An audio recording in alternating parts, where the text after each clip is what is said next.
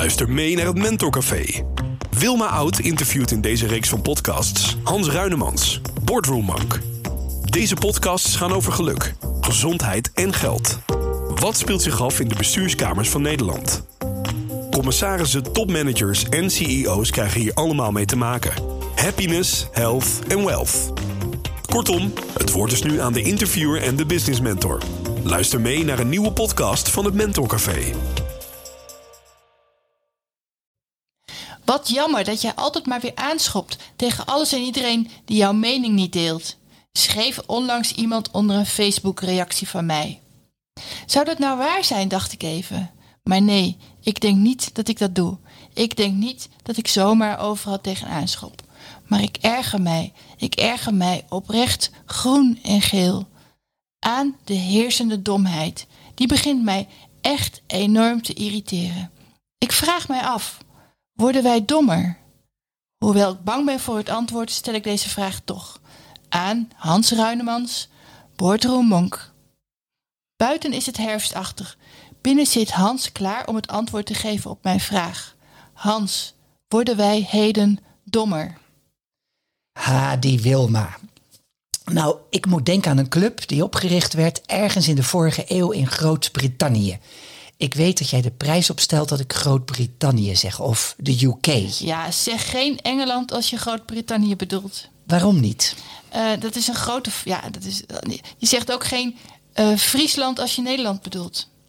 Juist, helder uitleg. Nou, die club, dat was de Not Terribly Good Club of Great Britain. Een hele mond vol. De Not Terribly Good Club of Great Britain.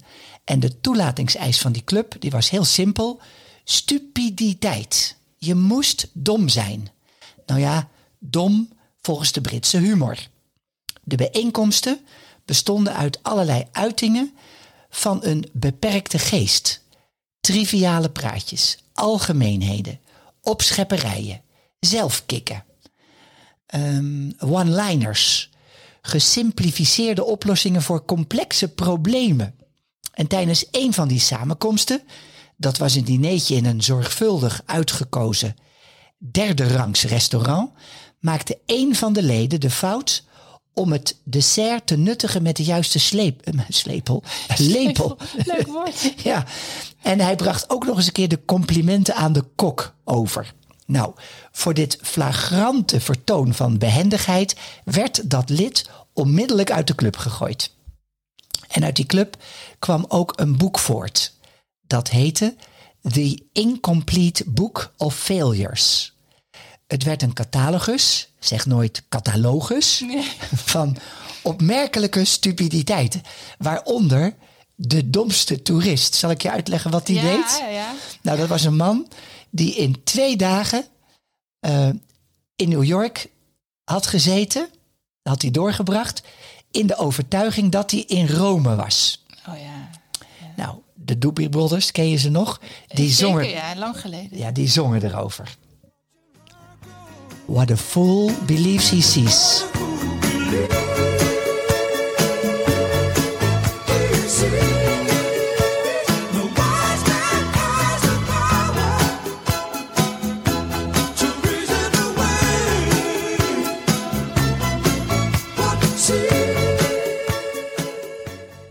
Ken ik persoonlijk iemand, en ik schaam me daar een beetje voor, die op vakantie is geweest, was geweest naar Isla Margarita. En uh, bij thuiskomst ontdekte dat het niet Spanje was. Je schaamt je ervoor, dan Ja. stel ik je de vraag: was het een man of een vrouw? Nee, ik geef geen antwoord. Echt niet. Oké, goed, heel netjes. Nou weet je, in Chicago werd een winkel overvallen. Die overvaller dwong, ja wat was het, Eh, een verkoper denk ik. Die dwong die verkoper om de kluis te openen. En toen zei die verkoper tegen de dief van... mijn manager heeft alleen maar de code. En die was er even niet. En toen gaf die overvaller aan de verkoper zijn mobiele nummer. En die schreeuwde dat de verkoper hem, de overvaller dus... moest bellen als de manager terug zou Oh ja. komen. Nou, over stupiditeit gesproken. dat, dat boek waar ik het net over had, bevatte ook een aanvraagformulier voor het lidmaatschap van de Not Terribly Good Club. Nou, die, die club die groeide en groeide en het werd een heel groot succes. En dat was compleet in strijd met haar belofte om te mislukken. Dus vanwege het niet voldoen aan de eigen voorwaarden moest de club worden ontbonden. Heel erg Brits. Heel erg Brits. Stupiditeit is overal. In elke sociale klasse komt het voor. En in tegenstelling tot IQ is stupi- stupiditeit onbegrensd. Dat zeg je mooi, Wilma. Ik ben er overigens van overtuigd dat stupiditeit en de hoogte van het IQ net zo ver van elkaar verwijderd zijn als de Noordpool en de Zuidpool. Sommige mensen denken dat eh, eh, die twee polen tot hetzelfde gebied behoren. Ja, je denkt dat het een grapje is. Oh ja? Ja, nou, ja, zeker. Ja. De Noordpool staat volgens sommige ongeïnformeerden tot de Zuidpool, zoals Vlaanderen staat tot Wallonië. Nou ja, weet je wat mij stoort is, en dat is belangrijk denk ik in deze podcast, wat me stoort is dat stupiditeit tot norm verheven lijkt. Ik vind het wel heel ehm, netjes van ons dat we eh, het D-woord, domheid, eh, omzeilen. We zeggen stupiditeit. Ja, Eh, het lijkt alsof het prima is om dom te zijn. ja. Ja, dan, en dan zo het in diezelfde trant van stupide mensen zijn pure mensen. Dat Ja, lijkt een een nieuwe nieuwe- trend. Ja, inderdaad. Ja. Het resultaat daarvan is dat onze samenleving bijna bezwijkt onder de domheid. Het afzetten tegen de elite, of je het daar nou wel of niet mee eens bent, of dat je daar nou wel of niet bij behoort. Maar het is doorgeslagen naar het omarmen van de stomheid. En niet alleen in Nederland. You can have all the technology in the world. I'm a professional in technology. When during the campaign, I would say Mexico is going to pay for it. Obviously, I never said this and I never meant they're going to write out a check. I said they're going to pay for it. Ja, mensen met gezond verstand die onderschatten altijd de kracht van stupiditeit. De kracht is onzichtbaar. Iedereen wordt zachtjes meegevoerd in de stupiditeit. En dat zie je in de eerste plaats al in de informatievoorziening. Kijk, ik krijg brieven van de gemeente in een aapnoot-mies-stijl. En oké, daar kan ik enigszins mee leven. Er is niks mis met kort en helder communiceren. Ik weet dat jij dat vindt. Maar dat op de doos van de Rowenta strijkijzer staat. Strijk geen kleding op het lichaam. Ja, dat zie ik als een aanwijzing voor een soort algemeen geaccepteerde idioterie. Zo las ik bij een beschrijving van een haardroger niet gebruiken tijdens het slapen. En deze mooie op een pot pindakaas las ik de tekst: Waarschuwing, bevat pinda's. Niet fietsen op de snelweg. Ja, weet je, ik begrijp best dat het soms nodig is. Het is ook niet allemaal overbodig. Want er zullen altijd mensen zijn die denken dat je kunt fietsen op een snelweg. Ja, dan zullen ze het verbodsbord met die streep door die fiets ook niet begrijpen. Nee. Maar ja, in het geval van zo'n strijkbout en de haardroger begrijp ik dat het te maken heeft met claims, maar het is zorgelijk. Het is zorgelijk dat de stupiditeit bezit neemt van onze maatschappij.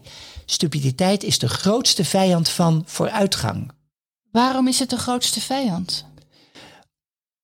Ja, nou omdat domme mensen schade toebrengen. Stupide gedrag is gevaarlijk gedrag. En nu heb ik het niet over het verkeerde gebruik van een strijkijzer. Maar als stupiditeit dominant wordt, dan neemt die de plaats in van weldenkendheid, van de reden, om dat klassieke woord nog maar eens te gebruiken. Is de stupiditeit op dit moment volgens jou dominant? Eh, laten we hopen van niet, maar we weten het niet. Het is een vijand waarvan we niet precies weten hoe omvangrijk die is, hoe groot. Omdat we niet precies weten hoeveel mensen dom zijn. We weten dus ook niet hoe groot de potentiële schade is. Hoe meer domme mensen, hoe groter de schade. En hoe meer domme mensen, hoe minder mensen met gezond verstand. En hoe omslachtiger het leven wordt voor de mensen met gezond verstand. Mag je wel spreken over gezond verstand? Is het niet een onhandige term? Ik geef daarmee aan dat er, naar mijn mening, ongezond verstand bestaat. Voor mij hoeft een mens niet per se hoog, hoogbegaafd te zijn. Helemaal niet zelfs. Ik kwam laatst eh, eh, terug eh, van het uitlaten van de hond. En toen fietste er een mevrouw voorbij met achter haar op de fiets een, een meisje met het syndroom van Down. En die keek me aan en die groette mij super vriendelijk. Ja, die is niet per se hoog, hoogbegaafd, weet je wel. Dus, ja, nee, zeker, ja. En ik zei al dat eh, IQ en stupiditeit net zo ver van elkaar verwijderd zijn als de Noordpool en de Zuidpool. Maar, maar de sneeuw is er hetzelfde. Dus je kunt volslagen stupide zijn en toch een behoorlijk IQ hebben. En omgedraaid, je kunt jezelf zijn, achter op een fiets zitten en een volkomen ja, lach naar iemand uitzenden zonder enige filter waar een ander mens gelukkig van kan worden. En de goedheid zelf. En de goedheid zelf. Nou, terug naar hè, het onderwerp stupiditeit. Stupiditeit komt overal voor, in elke sociale klasse. Dat houdt dus in dat je domheid overal tegenkomt. Je ziet het niet aankomen, je bent er niet op voorbereid, je kunt er niet ontwijken, maar het is overal. Je zou denken dat uh, bijvoorbeeld een universiteit een stupiditeitsvrije zone is. Ja, mooi woord. Een, een zone van gezond verstand. Nou, vergeet het maar. of de Tweede Kamer.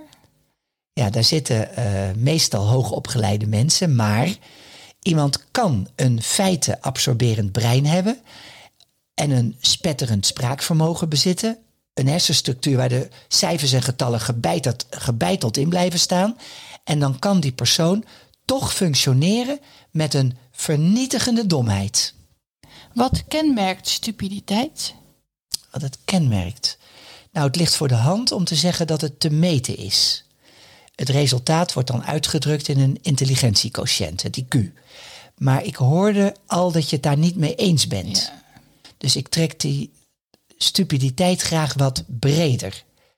Mijn definitie is dat een dom persoon een persoon is die verlies veroorzaakt voor, of eigenlijk aan, een andere persoon of aan een groep, terwijl hij zelf of zij zelf geen winst behaalt en mogelijk zelf ook verlies leidt. En verlies kan ook zijn schade of verdriet, kwetsing of een trauma. Een dom persoon benadeelt dus een ander, hoe die benadeling er ook uitziet, zonder dat het domme persoon daar winst uithaalt. Precies. Dom zijn vind ik schadelijker dan gemeen en vals. Eh, ja, want een boef, een echte boef, benadeelt anderen ten behoeve van zichzelf. Zeker. En zodra die zichzelf uh, of zijn uh, directe omgeving bedreigd ziet, dan zal een echte boef zijn activiteiten aanpassen. Die kijkt wel uit om zichzelf te beschadigen. Juist. De inspanningen van een dom persoon zijn contraproductief. Een dom persoon beschadigt ook zijn eigen omgeving. Hij bereikt niet wat hij wil. Als hij zich al bewust is van wat hij wil. In sommige gevallen kun je dat ook nog afvragen. Kijk maar naar de coronademonstranten. Wat willen ze? Vrijheid kennelijk. Wat bereiken ze? Op individueel niveau bereiken ze dat ze vast komen te zitten. Op universeel of landelijk, laat ik het niet te groot maken, op landelijk niveau remmen ze de bestrijding van het virus. En dus uitzicht op nieuwe vrijheid. Mm En neem nu die activistische boeren met die puur Hollandse naam Farmers Defense Force. FDF. Wat willen ze? Respect. Wat creëren ze? Weerstand en antipathie. Het gezonde verstand is het oordelende vermogen van een mens. Klopt dat? Het, het, het oordelende vermogen dat in de kennisverwerving verder gaat dan alleen wat het lijkt of hoe het klinkt, wat je ziet. Hoe het ruikt. Ja, hoe het voelt. Gezond verstand maakt een logisch geheel, een logisch verhaal van onstoffelijke feiten en waarnemingen. Het is, het, of niet het is, het gaat voorbij aan het instinct. Instinctmatige stupiditeit zorgt ervoor dat fatsoen vervaagt en geweld normaal wordt. Denk aan de doodsbedreigingen aan ministers, de moord op Peter R. de Vries, het aanvaardbaar vinden dat er cocaïne wordt gebruikt, de wens om rijk te zijn en lui, maar ook het ontzettende gescheld en de ruwheid in de sociale omgang met elkaar. Op straat, op de sociale media. Het vraagt om serieus zelfonderzoek van ons allemaal. En wij moeten daarmee beginnen. Uh, wij moeten daarmee beginnen. Wie bedoel je met wij? Met wij bedoel ik de luisteraars van deze podcast. En dat zijn ondernemers, CEO's, ondernemende managers, allemaal mensen met gezond verstand. Als stupiditeit de ruimte krijgt, dan moet het gezonde verstand niet een lagere positie innemen. We moeten werk maken van het gezonde verstand. En dan ga ik je een voorspelling doen.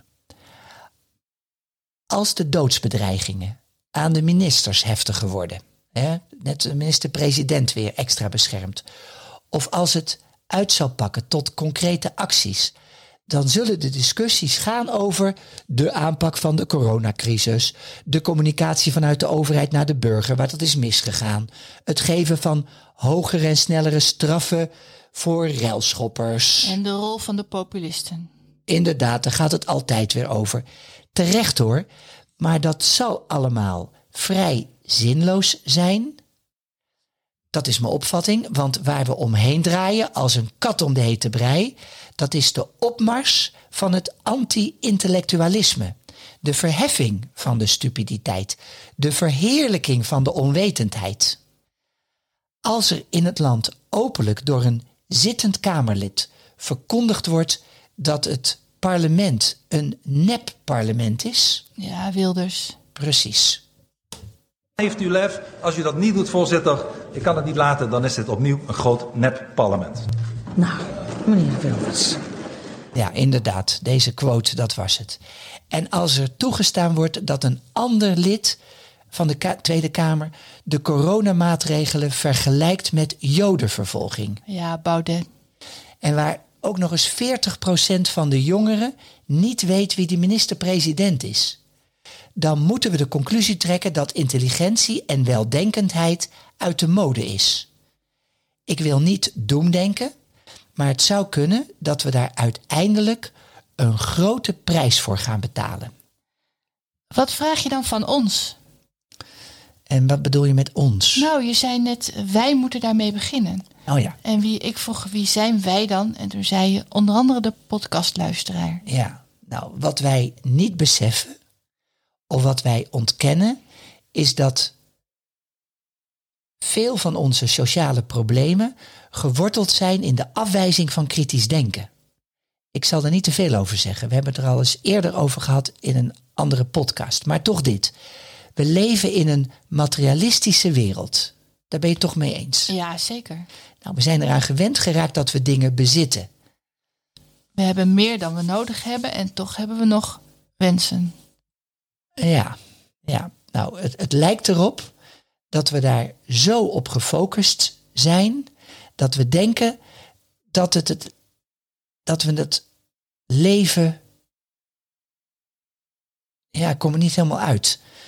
Dat we denken dat het leven te zien is, dat bedoelde ik. Het leven, zo denken we, is wat je ziet. Dus wat je hoort, wat je ruikt. Het is de meest eenvoudige uitleg van, van, van het leven zelf. Je bedoelt, het leven is gematerialiseerd. Ja, dat wordt gedacht. Het leven is gematerialiseerd. En dat is een misvatting. Als je het leven baseert op bezit, dan leid je een, en dan moet je niet schrikken van de woorden die ik nu gebruik, maar dan leid je een mentaal verarmd bestaan. Het leven is niet de geur van je nieuwe Tesla. Je voelt aan wat ik bedoel. We moeten beseffen dat het leven in de eerste plaats onstoffelijk is. Intangible. Dat wat we verzamelen aan spullen, dat doen we omdat we zo zijn. Dat moeten we weten, dat moeten we leren. We moeten onszelf trainen in het waarnemen van allerlei subjectieve waarheden. Er zijn allerlei waarheden. Er zijn allerlei waarheden en met je gezond verstand maak je daar een logisch geheel, een logisch verhaal van. Het leven is niet de geur van je nieuwe Tesla. Het is veel meer dan dat. Is dat training? Jazeker. Ik zei al dat we leven in een materialistische wereld. We zijn er minder mee vertrouwd om voorbij dat materialisme te gaan. Voorbij het bezit. Uh, materialisme is stupiditeit? Nou, in ieder geval is materialisme een indicatie van stupiditeit. Ja, ik heb nog allerlei vragen als ik dit zo hoor. Maar in de eerste plaats wil ik weten hoe dit zich verhoudt tot ondernemerschap. Want deze podcast gaat over uh, ondernemers en CEO's en wat hen bezighoudt. Ja, dat, daar, is, daar is het ook voor bedoeld. Nou, ondernemers zijn in de eerste plaats mensen. En mijn misschien al bekende motto is happiness, health and wealth. In die volgorde. Maar de bedrijfsbelangen van ondernemers moedigen soms stupiditeit aan. Als jouw onderneming voor een groot deel omzet genereert door middel van een ongeïnformeerd of misschien wel onjuist geïnformeerd publiek, dan zou ik je aanraden verander je strategie. Waarom zou je dat als ondernemer of als CEO of als ondernemende werknemer, dat kan ook nog, moeten of willen doen? Ja, weet je, in economische termen levert stupiditeit altijd het worst case scenario op. Er is geen overwinning, niemand profiteert. Iedereen eindigt met een mislukking. En elke interactie met stupiditeit zal leiden tot verlies. Anti-intellectualistische samenlevingen vallen ten prooi aan tribalisme en simplistische verklaringen. We moeten stupiditeit isoleren. Maar de verheffing van de domheid zal ons alle dom maken. We moeten werk maken van het gezonde verstand. Juist. Ik zei al dat ik nog allerlei vragen heb. Onder andere, ehm, hoe bereik je de domme mensen met dit? Maar misschien dat we daar in een volgende podcast nog eens over kunnen hebben. Uh, bovendien heb ik ook nog een lijstje met vragen hoor, van andere luisteraars. Um, dus Um, ik, ik voel een andere podcast aankomen. Voor nu laten we hiermee stoppen. Ik ben er niet heel erg vrolijk van geworden. Ik wil je toch heel erg bedanken dat je hier was. En jouw luisteraar, ik hoop dat jij het leven nog ziet zitten. Jou bedank ik ook. Hoewel het wat eendimensionaal is, hebben we toch altijd het gevoel dat je er echt bij bent. Je doet ons trouwens een groot plezier door je te abonneren op het Mentor Café. Tot de volgende keer, luisteraar. Tot de volgende podcast.